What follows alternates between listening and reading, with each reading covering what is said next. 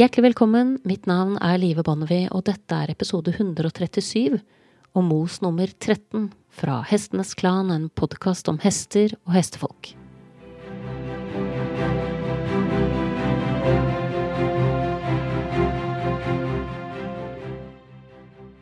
Mos, eller Moment of Zen-episodene, er et kortformat som jeg startet med tilbake i 2020.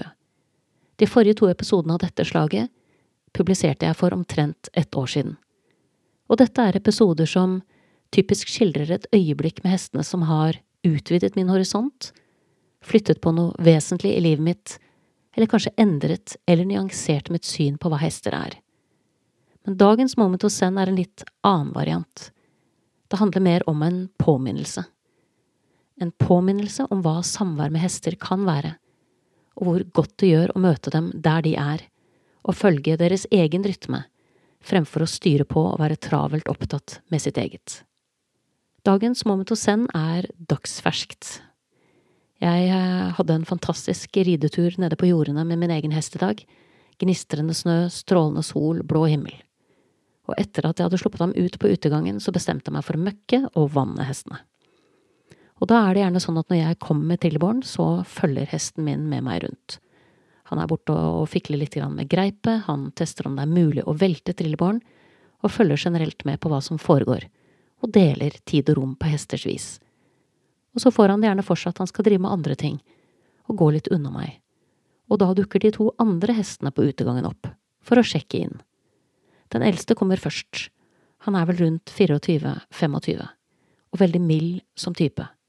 Han vil bare snuse litt på meg og få oversikt over hva jeg holder på med. Så rusler han videre. Og fordi han i tillegg til å være mild også er ganske sky av natur, så berører jeg ham ytterst sjelden. Så dukker hest nummer to opp. Han er en yngre, mørk vallak. Også veldig mild som type. Og i motsetning til min egen hest så er han kjelen så når han kommer, så berører jeg ham så godt som alltid. Han er særlig glad i å bli klødd under haken, så jeg tar en pause i arbeidet og klør ham litt. Og mens jeg går og møkker, så er han aldri mer enn tre–fire meter fra meg. Så hver gang jeg flytter trillebåren, så flytter han seg etter. Og jeg gjetter på at jeg kan ha holdt på kanskje rundt en halvtime med møkking, hvor han er tre–fire kanskje fem meter fra meg til enhver tid, og bare står og følger med på det jeg driver med. Så drar jeg med meg trillebåra ut av utegangen og tømmer den, og kommer tilbake med kanne med vann, og skal etterfylle og vaske vannkaret. Og når jeg holder på med det, så kommer han nærmere. Han står da kanskje halvannen meter til to meter fra meg. Og når jeg er halvveis ferdig med å fylle opp vannet, så står han rett ved siden av meg. Og da forekommer det meg at han tar kontakt og ber meg om å få hvile i mitt Hva skal jeg si I min Altså personal space, altså personlige, mitt personlige rom, egentlig, ville jeg sagt på norsk. Uh, og det er en ting som jeg opplever med hester, uh, ikke så veldig ofte, men noen ganger. At de kommer inn i mitt personlige rom uh, og ber om å, å få hvile der, rett og slett. Eh, og han gjør det på en så utrolig høflig og forsiktig og rolig måte, og jeg har jo fått med meg at han hele tiden er i nærheten. Han står ikke halsover da, han, han står og følger med på meg. Men når han da står ved siden av meg, så skjønner jeg at nå Nå skal vi ha et stille øyeblikk sammen, og da setter jeg fra meg de vann, vannkannene, og så gjør jeg noe jeg ikke pleier å gjøre i den situasjonen. Jeg fisker fra mobilen og så trykker jeg på rekord, og så tenker jeg ikke noe mer på det, jeg bare holder den stille i hånden, og så holder jeg bare kontakt med ham.